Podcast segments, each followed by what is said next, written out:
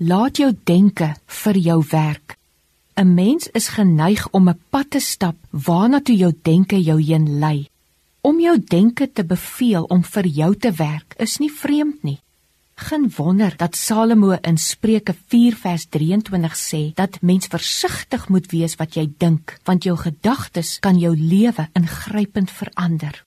Mense gedagtes kan gevaarlik wees want jy glo goed op grond van die inligting wat jy in jou brein stoor. Hoe span jy jou denke in om slim vir jou te werk? Ek gaan so 'n bietjie verwys na Numeri 13 en 14. Dink positief. Dit ontsluit krag wat jou potensiaal verbeter. Caleb en Joshua kon deur 'n positiewe lewensuitkyk ervaar en beleef hoe God se krag hulle potensiaal om te presteer verbeter. God wou hê dat sy volk 'n land wat van melk en honing oorloop as besitting inneem. Moses stuur 12 spioene om die beloofde land te verken.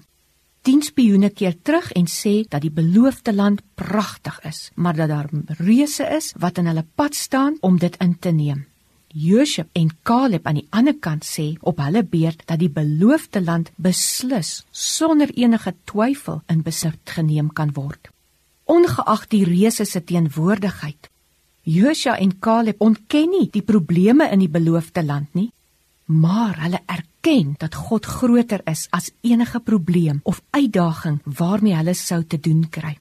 Ons moet ons denke leer dat God groter is as enige probleem. Positiewe denke bring ook positiewe reaksies. Wat ons dink, het 'n uitwerking op dit wat ons sê. En wat ons sê, gaan 'n uitwerking hê op mense se reaksies. Negatiewe praatjies ontlok dus negatiewe reaksies. Die teenoorgestelde is ook waar. 10 spioene se houding lei daartoe dat die volk 'n hele nag huil. Later wou die volk vir Josua en Caleb stenig net vanweë hulle positiewe houding in Numeri 14.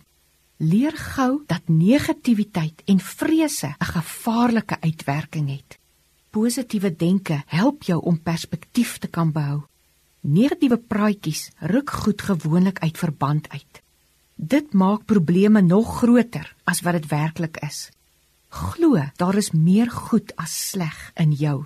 Positiewe denke vra daartoe dat jy die lewe kan geniet. Toe Caleb 45 jaar ouer was, was hy steeds so sterk en gesond as die dag toe hy 40 was.